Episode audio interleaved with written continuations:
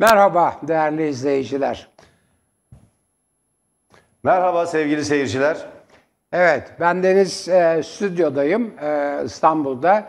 E, sevgili Yanardağ hem bir takım e, açık oturumlar, konferanslar hem de bir takım kanal için, temaslar için İzmir'de kendisine e, başarılar diledik. Eminim ki tam başarıyla dönecektir. Şimdi değerli izleyiciler, 29 Ekim Teşekkür ederim hocam. Aman rica ederim. 29 Ekim tabii e, Türkiye'nin e, Türkiye'nin e, varoluş tarihi. Daha doğrusu Türkiye'nin varoluşunun cumhuriyet olarak tescillenme tarihi. Onu belirtelim. Şimdi 29 Ekim'in iki tane ayağı var. Çok kabaca onu hatırlatayım. Birinci ayak olmasaydı 29 Ekim olamazdı. İkinci ayağı ise 29 Ekim yaratıyor. Cumhuriyet yaratıyor. Kısacası şöyle. Kurtuluş Savaşı. Bir mucize. Gerçek bir mucize. Yani askeri anlamda mucize, sosyal anlamda mucize, siyasal ittifaklar anlamında bir mucize. Türk'ün dehasının yarattığı, tabii mucize diye bir şey yok askerlikte, sosyal e, bilimlerde. Mucizevi diyelim, mucizevi, mucize benzeri bir olay. E, askerlik olarak da öyle, e, siyasal vesaire her bakımdan öyle. Şimdi onu kazanınca Mustafa Kemal Paşa e, onun sonucu olarak yeni bir devlet kuracak. Orada işte hep söylüyorum dört tane yolu var. Herkes ya bütün hemen hemen kahraman komutanlar hilafetin devamını istiyorlar. Sen halife ol diyorlar filan. İşte Rauf Orbay olsun, e, bilmem Kazım Karabekir olsun filan. Yok ya diyor bu diyor tarihe gömüldü olmaz böyle şey filan diyor. Ya, aynen bizim bugün sosyal bilimlerde tarihe baktığımız, siyaset biliminde tarihe baktığımız gibi bakıyor. İşte Orta Doğu ülkelerinin halini görüyorsunuz. Yani geri kalınca, yani tarım toplumunda kalınca öyle oluyor. Onu o zaman görüyor Atatürk. Bu, bu işler böyle gitmez diyor yani. Zaten otoriteye de ihtiyacı yok, karizması var. Ee, savaşı kazanmış, kendine güveniyor filan. Halifeliği reddediyor. Sovyetler çok yardım etmiş. Yükselen değer, Sovyet e, Bolşevizmi. Fakat yani şeyde Türkiye o kadar tarım toplumunda, tarım döneminde patinaj yapmış ki onun üstüne şeyi kurmak pek mümkün görünmüyor Atatürk'e. Bunu da söylüyor zaten. Yani e, Lenin'in yolladığı büyükelçi diyor ki işte bak büyükelçi bunlar bu Mehmetlerle Bolşevizm olmaz filan diyor. Faşizm yükseliyor. Arlo, Arlo'a söylüyoruz. Aralova evet Aralova söylüyor. evet, Arlo. Faşizm yükseliyor. Faşizmi de tamamen reddediyor. Hele onu tepedeki bunlar kimdir falandır filandır diye bir de yani önerenleri azarlıyor falan. Ve bu cumhuriyettir diyor. En zoru cumhuriyet. Çünkü cumhuriyet tarım, din tarım toplumlarında mümkün değil böyle bir şey. Ancak endüstri toplumlarında, kentsel endüstriyel toplumlarda mümkün. Bir ulus toplumunda mümkün. Ulus yok ki o sırada. Yani ulus var da bilinci yok ulusun. Dolayısıyla e, en zor işi seçiyor. Ve burası cumhuriyettir diyor filan. Ve cumhuriyeti Kurtuluş Savaşı'nı kazanmasının karizmasıyla ve itici gücüyle ilan edebiliyor. Bu böyle. Yani 29 Ekim'in arkasında Kurtuluş Savaşı yatıyor. Sonra da Cumhuriyeti ilan edince hiç kimsenin akıl edemediği, yapamadığı şey. Herkes diyor ki canım Atatürk'ün diyor Cumhuriyet reformları, dev, devrimleri dediğiniz şeylerin çoğu bilmem Osmanlı döneminde de vardı. İşte Enver bile alfabeyi ayrı yazmaya çalışmış da Arap harflerini okunsun diye. O da onu yapmış, Abdülhamit de bunu yapmış, okul açmış filan. Laf. Esas egemenliği kaynağı. Atatürk'ün dehası orada. Tarihi o kadar iyi biliyor ve öyle iyi görüp yorumluyor ki önce Cumhuriyeti ilan ediyor ki o Cumhuriyet'in dayandığı hiçbir şey yok. Ne ulus bilinci var, ne vatandaşlık bilinci var, ne sınıfsal gelişme var. Yani ne burjuvazi var, ne de burjuvazi gelişecek de sonra işçi sınıfı çıkacak filan. Ki zaten hep söylüyorum demokrasi işçi sınıfı kurmuştur dünyada. Öyle burjuvazinin tek başına kurduğu bir demokrasi falan yok. İşçi sınıfı olmasa, hak istemese öyle demokrasi demokrasi yok. Şimdi dolayısıyla 29 Ekim bu Kurtuluş Savaşı'yla bu Atatürk devrimleri arasındaki köprüdür ve biri bir, Kurtuluş Savaşı'nın sonucu Atatürk devrimlerinin de temelidir. Ve bunu biz Mustafa Kemal Atatürk'e borçluyuz. Hemen şimdi veriyorum ve maalesef bugünkü kutlamalarda asıl Atatürkçüler e, hem e, hem yani dilim varmıyor söylemeye hem Anıtkabir'den hem ondan sonra İstanbul'daki işte bir tören yapılmış filan bir şeyler. Yıktığına bir tane yerine yapabilmiş neyse. Hep yıkıp bırakıyorlardı. Bu sefer yeni bir şey yapmışlar anlaşılan. Ve hep dışlanıyor. Yani Atatürk'e ve Cumhuriyet'e en büyük saldırıları yapanlar, Atatürk'ün kurduğu Atatürk'ün kurduğu parlamenter demokratik sistemi tahrip ederek onu Atatürk'ün bile istemediği, yapmadığı tek kişi yönetimine çevirenler Atatürkçü yayın organlarına Cumhuriyet Gazetesi gibi mesela onun şeyinde var çünkü vakıf senedinde var Atatürkçü olduğu. Veya işte gördüğünüz gibi Tele1'i başka kanalları filan da yasaklıyorlar. Neymiş? Evet, evet hocam. Sansür. Sansür, baskı. Evet buyurun efendim. Hocam şu anda iktidarda e, Cumhuriyet'in e, temel değerlerine, Cumhuriyet'in aydınlanmasına, Cumhuriyet'in yarattığı ulus devlete ve bilince e, karşı ve e, Cumhuriyet'in birikimini inkar eden ve onu yıkmaya çalışan bir iktidar var. Dolayısıyla e, bu iktidar altında Cumhuriyet kutlanmaya çalışılıyor. E, sorun burada. Yani toplumda şizoid bir yarılma var ülkede. Deyim uygunsa şizoid bir yarılma var. Toplumun ve ülkenin ruhunu parçaladılar. E, bir yandan e, devlet içi boş, e, anlamını yitirmiş, e, yasak savıcı ve göstermelik törenlerle Cumhuriyeti kutlamaya çalışırken, diğer yandan toplum, kitleler, halk büyük bir coşkuyla ve kitleler halinde Cumhuriyete sahip çıkıyor ve onu kutlamaya çalışıyor.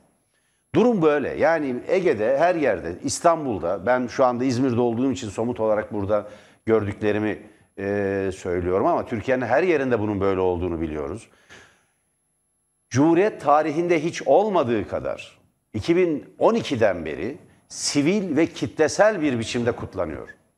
Önceden, elbette önceden de kutlanıyordu ama artık bu toplumun bütün kanatları, siyasetin bütün e, unsurları ve devletin bütün birimleri tarafından kabul edilen, üzerinde mutabakat sağlanmış, uzlaşılmış ve artık tarihsel olarak geride bırakılmış ve herkesin ortak değeri olarak görüldüğü için Cumhuriyet bayramlarının yani kutlanır ama böyle heyecanla ve e, ne diyelim ona sahip çıkma bilinci ve coşkusuyla değil de o günü bir anma toplantısı şeklinde düzenler, e, düzenlerdik. E, ben e, çocukluğumda, e, ilk gençliğimdeki bütün Cumhuriyet bayramları öyleydi. Fakat özellikle 2003'te başlayan ve 2016'ya kadar gelen dönemde devletin cumhuriyetçi niteliği ki cumhuriyetçi niteliği demokratik niteliğidir. Yani bir, bir genel ezber var. Efendim İran'da cumhuriyet, Kuzey Kore'de cumhuriyet. Demek ki tek başına cumhuriyet önemli değil. Önemli olan onun demokratik olması filan deniyor. Allah adına yeryüzünde temsil ettiğini, Allah'ı yeryüzünde temsil ettiğini söyleyen bir halifenin ve bütün o topraklarda yaşayan insanların kulu olduğu bir padişahın tek adam olarak yönettiği bir ülkeden milletin temsilcilerinden oluşan bir meclisin yönettiği bir cumhuriyete geçiş tarihin en büyük demokratik atılımıdır. Dolayısıyla cumhuriyet demokrasi demektir. Böyle bir liberal palavra bir de bu Amerikan sosyolojisinden etkilenmiş sosyoloji bilmeyen bir takım sosyologlarla yarım aydın ve yarım akıllı gazetecilerin uydurduğu bir şeydir bu. Yani cumhuriyet ve demokrasi arasındaki ilişkiyi koparmak. Bu ilişkinin koparılması daha sonra merkez sağ ve gerici iktidarlarla faşist ve faşizan darbeler sırasında gerçekleşti. Cumhuriyetle demokrasi özdeş ve birlikte gelişiyordu. Son 20 yıldır aslında bir yanıyla 1950'lerden itibaren başlayan e, karşı devrim süreci Türkiye'nin NATO'ya üye olmasıyla birlikte. Çünkü Cumhuriyet şu anlama geliyordu. Büyük İslam dünyasında, Büyük İslam geri kalmış İslam Doğu toplumunda Cumhuriyet orta çağın kapatılması anlamına geliyordu. Bir Müslüman toplumun orta çağı aşarak moderniteyi ve aydınlanmayı, dolayısıyla sanayi devrimini yakalaması anlamına geliyordu. Şimdi bugün Türkiye'yi Türkiye'nin G20 yani gelişmiş 20 ekonomi arasından çıktığı haberi geldi. G20 üyeliğinden Türkiye düşürüldü. Şu anda resmen değil fiilen düşürüldü. 2021'de G20 ülkeleri arasında değil. 750 milyon dolarlık bütçesiyle. Daha önce çünkü 950 milyar yani Türkiye 200 milyar dolar yoksullaşmış. Artık katma değer yaratamayan fabrikalarını kapatmış, satmış, yerine e, beton binalar dikmiş bir ülke çünkü. 2022'de bir derece daha düşerek 22. sıraya ineceği belirtiliyor. Gelişmiş 10 ekonomi arasına gireceği söylenen Türkiye'nin G20 üyeliğinden de düştüğü bir yere geldik. Oysa biliyoruz ki 1936'da Türkiye dünyanın neredeyse 5. ekonomisi. Sadece Mısır'a 40'a yakın uçak satmış, ürettiği uçakları. 1960'lı yıllarda Türkiye dünyanın 10. ekonomisi. Ortada bir palavra yok, bir gerçeklik var. Burada bugün iktidarda ise bir palavra var. Dolayısıyla hocam Cumhuriyet'in değerlerine, Cumhuriyet'in birikimine, Cumhuriyet'in ilerici kazanımlarına savaş açmış bir iktidar altında tablo şu. Devlet İslamcıların, siyasal İslamcıların eline geçti. Devlet siyasal İslamcıların, Cumhuriyet ise milletin oldu. Millet sokakta, millet okullarda, iş yerlerinde, millet hayatın içinde Cumhuriyet'e sahip çıkıyor ve onu kutluyorlar. Hemen bitiriyorum hocam. AKP bir şansı kaçırdı. Şimdi onlar diyorlar ya devletle millet birbiriyle kavga halindeydi. Devletten kastettikleri cumhuriyet. Niye? Çünkü cumhuriyet milletin değerlerinden uzaklaşmış, ona yabancılaşmış. Kendileri ne yapacaktı? Devletle milleti barıştıracaklardı. Hipotez buydu. Hayat tarafından yanlışlanmış bir varsayımdır bu. Sürekli söyleyerek, tekrar ederek genel kabule çevirmeye, dönüştürmeye çalıştılar olmadı. Devletle millet kavgalı değildi. Cumhuriyet, cumhuriyetle millet kavgalı değildi. Cumhuriyet ne zamanki demokratik niteliklerinden uzaklaştırılıp 12 Mart 12 Eylül darbeleriyle faşizan bir karakter kazanmaya başladı. O zaman milletle kapışmaya, on, kavga etmeye, ona yabancılaşmaya başladı. Ama onunla uzlaşan bir kesim vardı. Kimdi o? İslamcılar. Bugün tek başına iktidarı ele geçirdiler. Bir şansları vardı. Dindar demeyeceğim ama İslamcı yani fanatik bir İslamcı inanca sahip veyahut katı İslamcılarla Cumhuriyeti barıştırma şansları vardı. Fakat bunu yapmadılar. Bugün AKM'nin Atatürk Kültür Merkezi'nin açılışında diyor ki Recep Tayyip Erdoğan, AKP Genel Başkanı Recep Tayyip Erdoğan, bizim anlayışımız geçmişten farklı. Yani demek istiyor ki bak biz Atatürk Kültür Merkezi'ni de açtık. Hayır efendim onu siz yapmadınız, onu yeniden açıyorsunuz. O yapılmıştı, vardı yerinde zaten. Yıktınız ve 13 yıl sonra ancak açabildiniz. Doğru. Kapattınız. Yapılması kötü mü? Hayır değil. Yeniden yapılması. Gayet iyi oldu. Ama bir şey yaptınız ondan önce Taksim'e bir cami yaparak bir nispet gibi. Yani bir uzlaşma aramadan bir e, bunu bir kanırta kanırta bir kavga gerekçesi yaparak yaptınız bunu. Oysa bütün veriler Türkiye'de ve İstanbul'da haddinden fazla caminin olduğunu, örneğin Türkiye Türkiye'nin iki katı yüz ölçümüne sahip olan 1 milyon 680 bin kilometre karelik İran yaklaşık bir rakam olarak söylüyorum. Hadi 1 milyon 600 bin diyelim biz yuvarlayalım. İran'da ki nüfusu Türkiye'den fazla İran'ın Türkiye'nin yarısı kadar cami var. Kimse İran'ın Müslüman olmadığını iddia edebilir mi? İslam Cumhuriyeti ya adı üstünde. Cami yaparak kanırta kanırta ondan sonra onun altında ezmeye çalıştılar. Bu bir yanlış. Oysa bu bir uzlaşma sembolü olabilirdi. Cumhuriyetle e, ne diyelim geleneklerine ve dinine katı bir şekilde bağlı toplum kesimlerini uzlaştıran bir rol oynayabilirdi AKP. Bunu yapmadı. Bir orta çağ intikamcılığıyla davrandı. Cumhuriyetçi, demokratik ve layık kesimleri ezmeye, devletin ve toplumun, ülkenin, ulusun bütün olanaklarını dar bir kesime aktarmaya, dinciliği bir sermaye biriktirme aracı olarak kullanmaya çalıştı. Bu yüzden büyük bir şansı kaçırdığını düşünüyorum. Ben bütün yurttaşlarımızın Cumhuriyet Bayramı'nı kutluyorum. Bir daha söylüyorum. Devlet AKP'nin, Cumhuriyet milletin oldu. O yüzden bir seçkinden, dar bir oligarşiden söz edeceksek bu AKP oligarşisidir, dinci oligarşidir. Oligarşik ve faşizan bir rejimi egemen kıldılar bu ülkede. millet bu rejime son verecek ve yeniden Cumhuriyeti demokrasiyle buluşturacak diye düşünüyorum. Cumhuriyeti kuranları, Cumhuriyet için emek harcayanları, savaşanları, bu ülkenin bağımsızlığında kanını dökenleri saygıyla, sevgiyle selamlıyorum burada. Evet, evet efendim. Şimdi değerli izleyiciler, Biraz uzattım hocam. Buyurun. estağfurullah, estağfurullah. Heyecanlanıyorsunuz tabii, hepimiz heyecanlanıyoruz. Cumhuriyet, Cumhuriyet... Ben e, heyecanlı bir insanım hocam. Tabii tabii. Cumhuriyet, Cumhuriyet bayramı, o Devrimciler coşku- heyecanlıdır. Doğru, doğru. O, o coşku hepimizi heyecanlanıyor. Beni de heyecanlandırıyor. Dünkü programda da heyecanıma ben galiba hakim olamadım filan. Evet, hep o tabii gayet doğal. Şimdi Siz de değerli- devrimcisiniz hocam. Tabii. Değerli izleyiciler, şimdi çok önemli bir nokta e, aslında e, güzel de konuşuyor. E, Ya da olmalısınız yani. Karar sizin Efendim? tabii. Pardon. Bir şaka yapıyorum hocam. Duymadım. Bir daha söylerseniz. Hiç vakit kaybetmeyelim hocam. Buyurun, buyurun devam edin. Peki. Esasında ay, güzel şeyler söylüyor Merdan Yanardağ. Mesela bence söylediği en doğru, hep- hepsi, hepsi doğru ve güzel şeyler de bir tanesinin üstünde durmak istiyorum. Bu demokrasi ve cumhuriyet hikayesi. Değerli izleyiciler, bu bir tarihsel gerçek.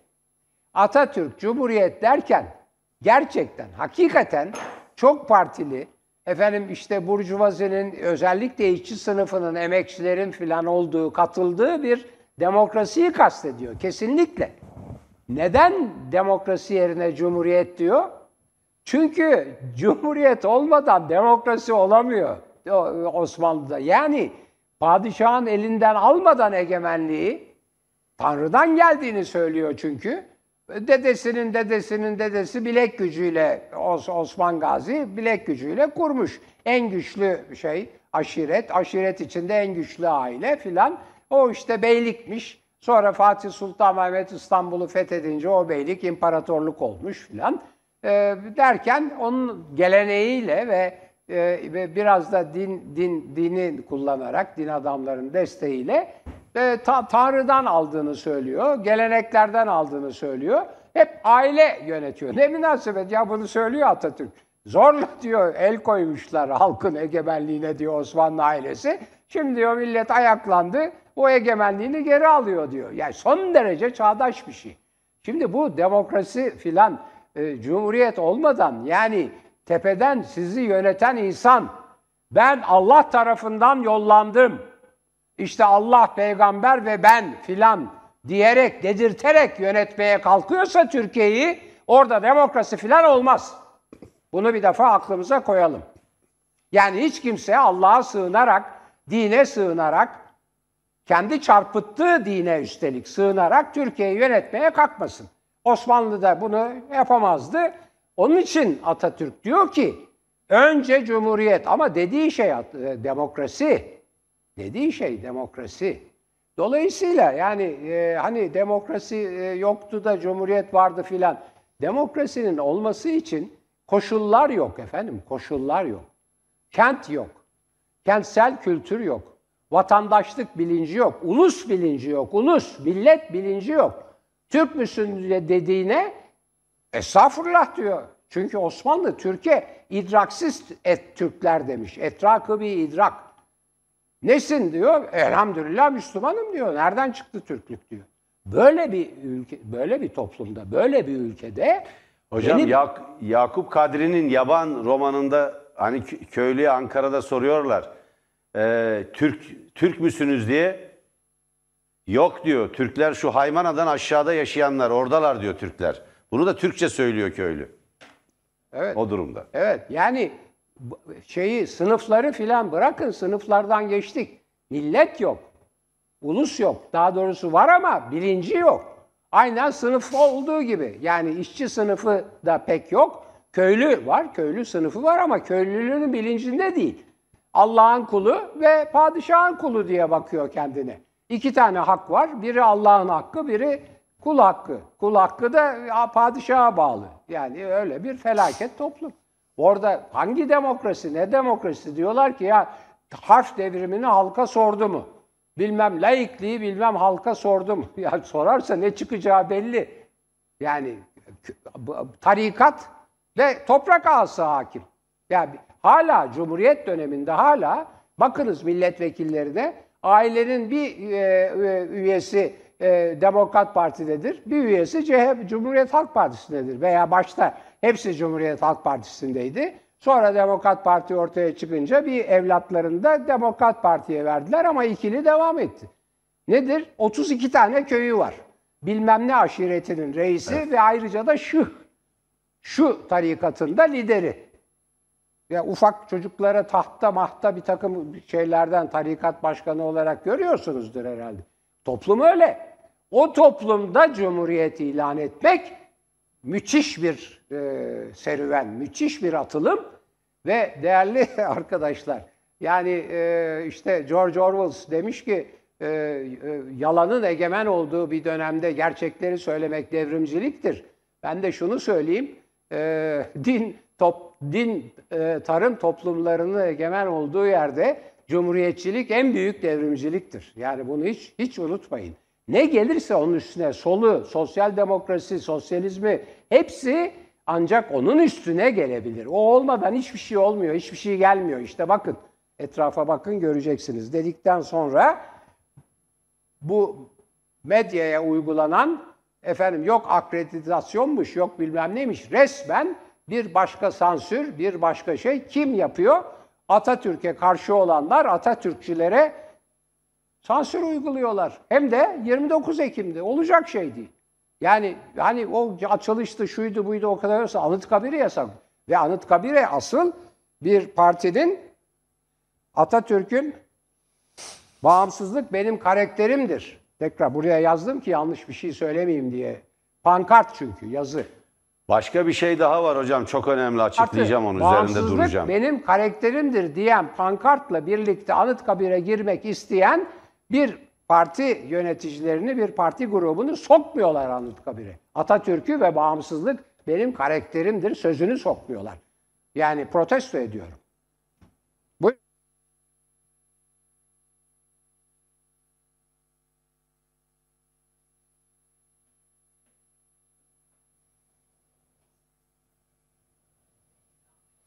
Peki hocam.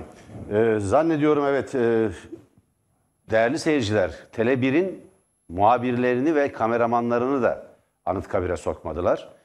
Diğer e, yandaş basın dışındaki bağımsız medya kuruluşlarının temsilcilerini de kameramanlarını da sokmadılar. Ee, muhabirlerini sokmadılar. Haberi izlemesini engellediler. İstanbul'da Atatürk Kültür Merkezi'nin Taksim'de Atatürk Kültür Merkezi'nin açılışında da benzer bir şey yaptılar. Yine e, arkadaşlarımız e, haber merkezimizden bana iletildiğine göre e, açılış törenini yani Atatürk Kültür Merkezi'nin açılış törenini dışarıdan izlemek zorunda kaldılar. İşte o nedenle söyledim ben ilk bölümde. Uzlaşarak Cumhuriyeti bir barış rejimi olarak değerlendirerek kendi varlıklarını ve geleceklerini de garanti edecek bir meşruiyet zemini, bir uzlaşma zemini yaratabilecekleri halde AKP maalesef ama toplumda yeni bir ayrılık, yeni bir dün e, e, düşmanlık e, tohumları ekerek dinsel ve etnik farklılıklar üzerinden, inançlar üzerinden düşmanlık tohumları ekerek e, kim ve düşmanlığa tahrik ederek bu büyük şansı kaçırdı. Toplumu böldü. Cumhuriyetle barışmak ve Cumhuriyete uzak kesimleri Cumhuriyetle buluşturmak yerine e, bu yolu tercih ediyor olması dar ideolojik bir amaç için hayatı, Cumhuriyeti ve bu ülkenin değerlerini, zenginliklerini feda edeceğini göstermesi bakımından da bunun çok büyük tehlike ve tehdit oluşturduğunu düşünüyorum. Şimdi gelelim asıl meseleye. Hocam bu Diyanet İşleri'nin başkanı var biliyoruz değil mi? Ee, Sayın Ali Erbaş. Son dönemde adından en çok söz edilen e, bir e, üst düzey bürokrat arkadaşımız. Yani atanmış memur. Yani maaşını e, vatandaşların vergisinden alan bir zatı muhterem. E, bu o, Diyanet İşleri Başkanı hemen hemen hocam neredeyse e, Diyanete ait bir e, kitap kulübesinin bile açılışını yapacak, duayla yapan bir birisi değil mi? Aynen öyle. Ben sizin sesinizi duyacağım hocam. Zannediyorum buradaki Kanı- mikrofonda bir şey var. Evet, E, börekçi Ha geliyor. Börekçizade Rifat'ın ilk, Evet. ilk başkanı olduğu Diyanet İşleri. Ne olduğu Diyanet'in başkanı. Evet, Kurtuluş Börekçizade Savaşı Rifat kahramanı Efendi'nin. Börekçizade Rifat Efendi'nin Tabii. başkanı olduğu Diyanet. Ankara müftüsü. Ankara müftüsüdür. Evet. Ve halifenin ve Şeyhülislam'ın, Dürüzade'nin Kuvayi Milliyecilerin hakkında verdiği idam fetvalarına karşı Anadolu müftüleriyle birlikte milli kurtuluş mücadelesini destekleyen fetvalar veren din adamı. Onu rahmetle anıyorum. O işte devrimci bir din adamı, devrimci bir müftü. Devrimin ruhuna uygun, tarihin akışına uygun. O milletinin yanında. İşte yerli ve milli olan o, Arapçı değil. Arap yobazlığını din diye bu ülkede pazarlamıyor. Öyle bir dindar. Kendisini de Cumhuriyet'in kuruluşunda, o da Cumhuriyet'in kurucularından biridir. Saygıyla, sevgiyle selamlıyoruz. Büyük Millet Meclisi'nin açılışında dua okuyan adamdır o. Şimdi Ali Erbaş her yerde dua okuyor değil mi hocam? Yani Yargıtay binasını duayla açıyor, temel atma törenlerinde dua ediyor, yargı yılının açılışında dua okuyor her yerde. Bir de Bunu kılıç resmi açılışlara, resmi açılış törenlerinin evet bir de hutbeyi okurken de kılıç. Şimdi o da bir orta çağ ritüeli. Bunlar orta çağda kalmış. Efendim sol elinde tutuyorsa barışı, sağ elinde tutuyorsa savaşı simgeliyormuş. O yüzden böyle bir gelenek varmış. Hala fetih ve fütühat gibi bu çağda, bu çağda, bu çağda Orta Çağ hukukundan farklı olarak o zamanlar bu meşru. Ama bu çağda işgali yani kırıcı keskin olanın istediği ülkeyi işgal etme hukukudur bu. Kılıcı keskin olan ya da güçlü silahlar olan bir başka ülkenin de bu ülkeyi işgalini kabul etmekle aynı şeydir. İlkel bir anlayış. Neyse ayrıca tartışırız. Bu arkadaş her yerde var. Ama bugün yok. Bugün yok. Diyanet bu devletin resmi kuruluşu değil mi? Bu milletin diyaneti değil mi? Bu ülkede yaşayan Müslümanların daha çok ama sadece Müslümanların değil aslında Hristiyanların ve Musevilerin de temsil edilmesi gerekiyor. İslam içindeki bütün eğilim ve inançların, inanç farklılıklarının da temsil etmesi, edilmesi gerekiyor ve özerk olması gerekiyor. Mustafa Kemal zamanında kurulan Diyanet özerktir. Onun imamları, müf- e, imamları, vaizleri, hocaları maaş almaz. Onların maaşlarını cemaat karşılar. Onlara maaş verme işi Demokrat Parti ile birlikte başladı. Her neyse bu arkadaş yok. Cumhuriyette yok. Peki Diyanet'in Cuma hutbesinde bakın Cuma'ya denk geldi. Hani hayırlı cumalar lafı şeye yerleşti ya memlekete yerleştirdiler ya. Hayırlı cumalar, hayırlı cumalar diye e, yaygınlaştırdı. Böyle bir gelenek de İslam'da yok ya neyse. E, tatil günüdür Müslümanlarda. Tatil ve ibadet günüdür. E, şimdi Diyanet'in bugüne denk gelen hutbesinden son bölüm okuyorum. Üç cümle ayırmış değerli seyirciler. Yaşlılara saygı temasını işlemiş hutbesinde. Üç cümle ayırmış sadece Cumhuriyet'e. Düşünebiliyor musunuz? Bugün 29 Ekim. Bu ülkenin doğum günü. Cumhuriyet'in doğum günü.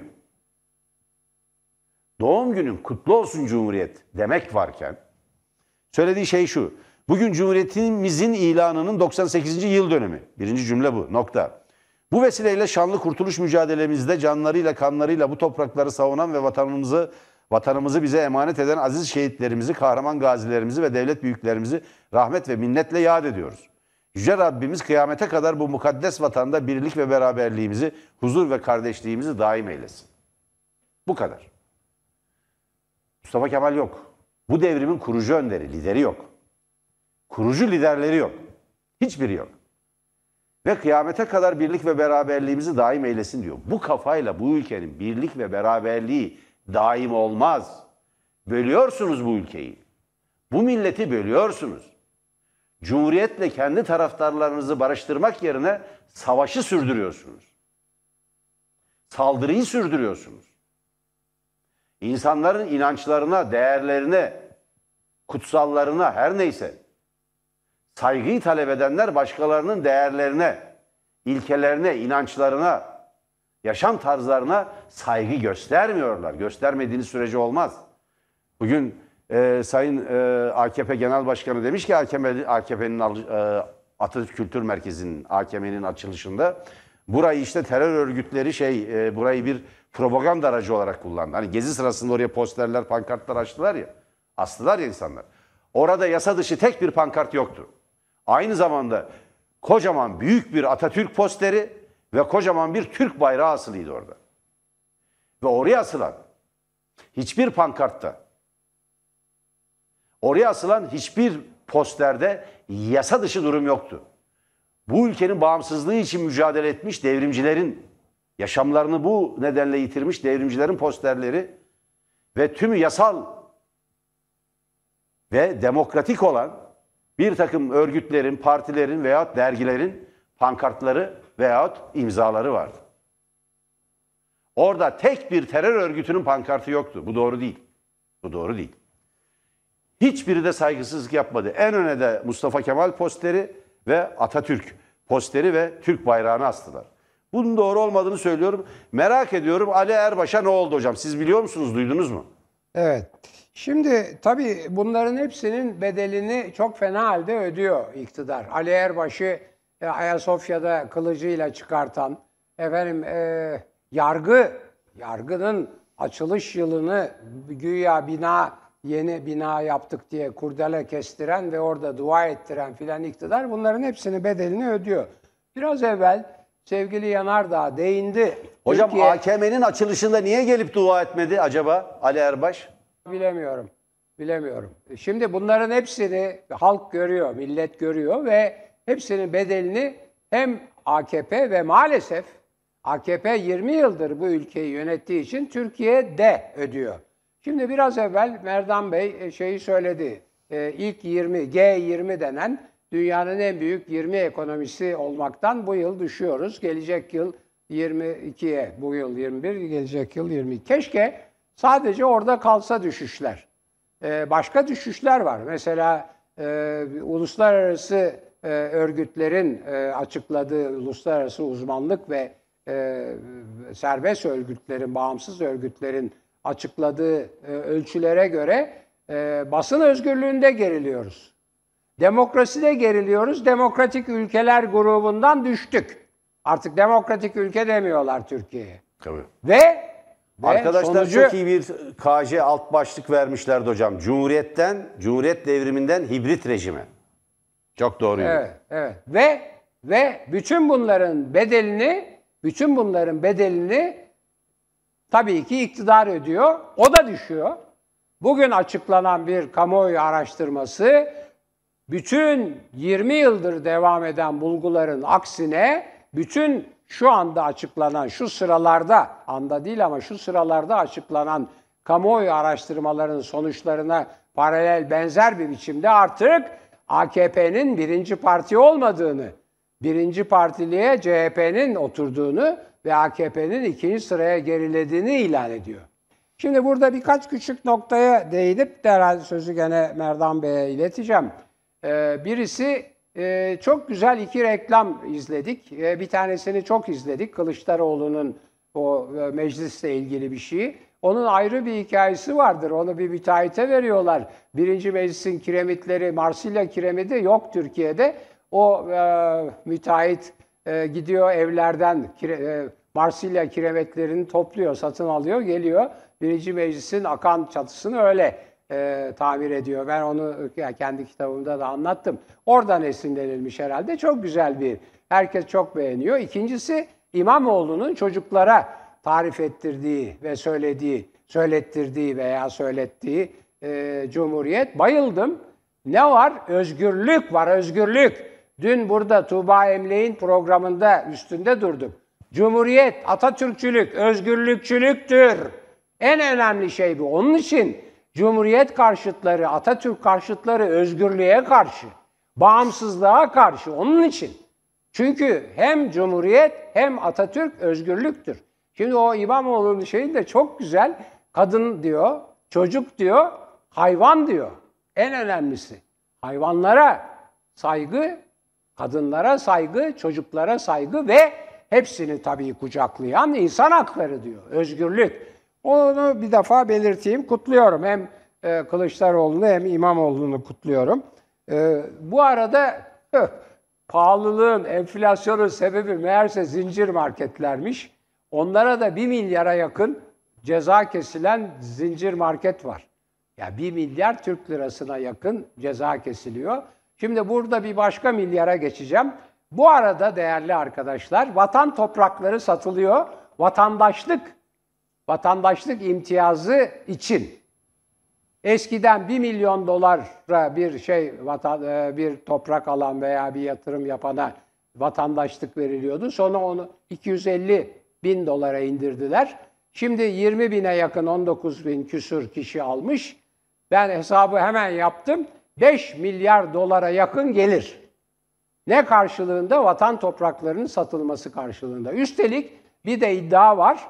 Ee, işte tapuda onu 250 bin dolara aldım diye gösterip onun bir bölümünü peşin verip ondan sonra geldiğinde o geri kalanı verip geri alıp filan böyle gayet şaibeli bir takım şeyler. Şimdi dünyada bunu yapan ülkeler var. Onu da size hatırlatayım. Ee, Kanada yapıyor. Amerika'yı bilmiyorum ama Kanada'nın yaptığını biliyorum. Ee, Amerika'da da galiba belli bir yatırım Ee, ama Kanada'yı daha iyi biliyorum. Ee, hisse senedi alırsanız, tahvil filan alırsanız ve onu birkaç yıl, iki yıl filan e, uhdenizde tutarsanız yani ekonomiye katkı yaparsanız vatandaşlık hakkı veriyor. Toprağa yapılan yatırım ölü yatırımdır. Yani iktisat 101 üniversitelerde, ekonomi 101, ekonomiye giriş. Plasman var, yatırım var. İnşaata yapılan şey plasmandır, yatırım filan değildir. Hem arsaya hem tarlaya hem de eve yapılan yatırım plasmandır. Yatırım değildir. Yani bir işe yaramaz.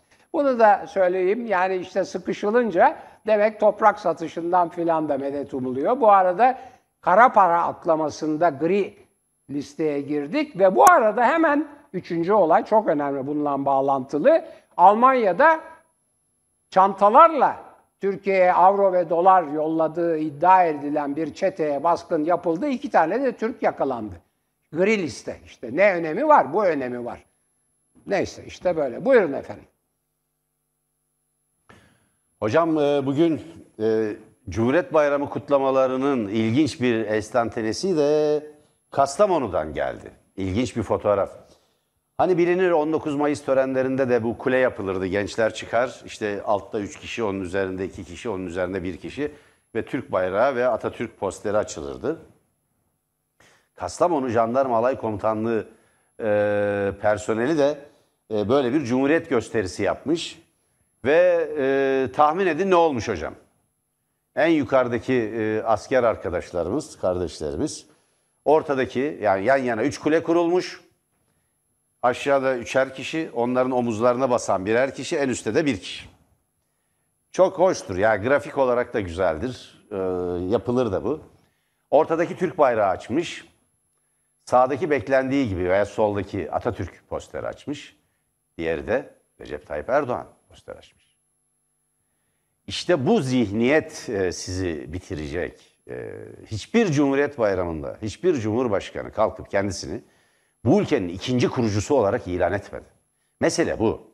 İşte Cumhuriyet'le hesaplaşan ve kendi iktidarlarını yeni bir milat, yeni bir başlangıç ve kendi rejimlerini de yeni bir devlet kuruluşu diye ilan etme hazırlığı 1923 1923'te kurulan Cumhuriyet'in yerine 2023'te o bakımdan daha dün Erdoğan diyor ki bugün de 2023 eşiğini aşarsak kimse bizim ilerlememizi durduramaz artık.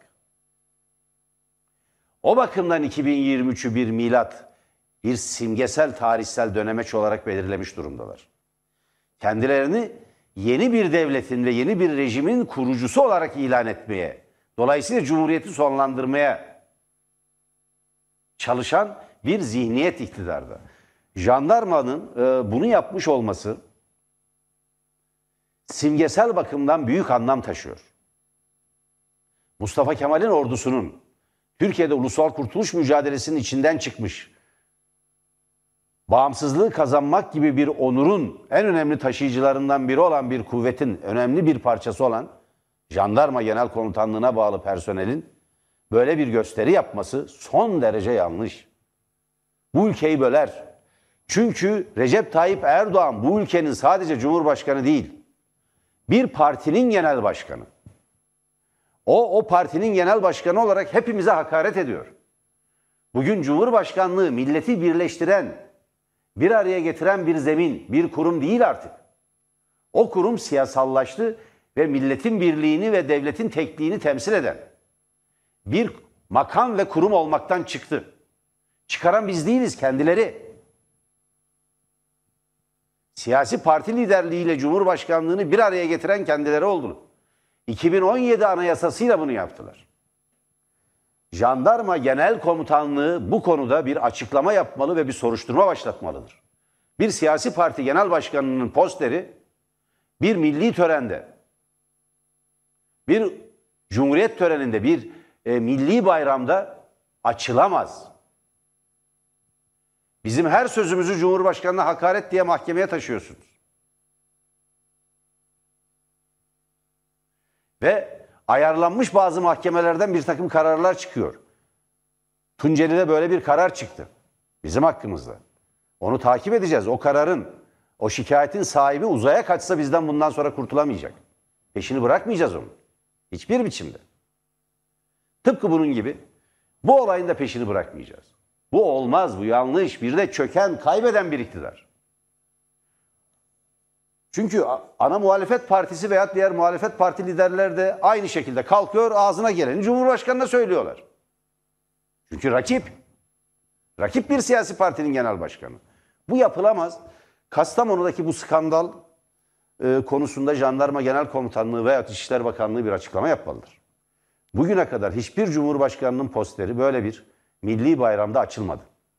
Arkadaşlar evet gösteriyorlar şimdi. Evet Türk bayrağı açılıyor.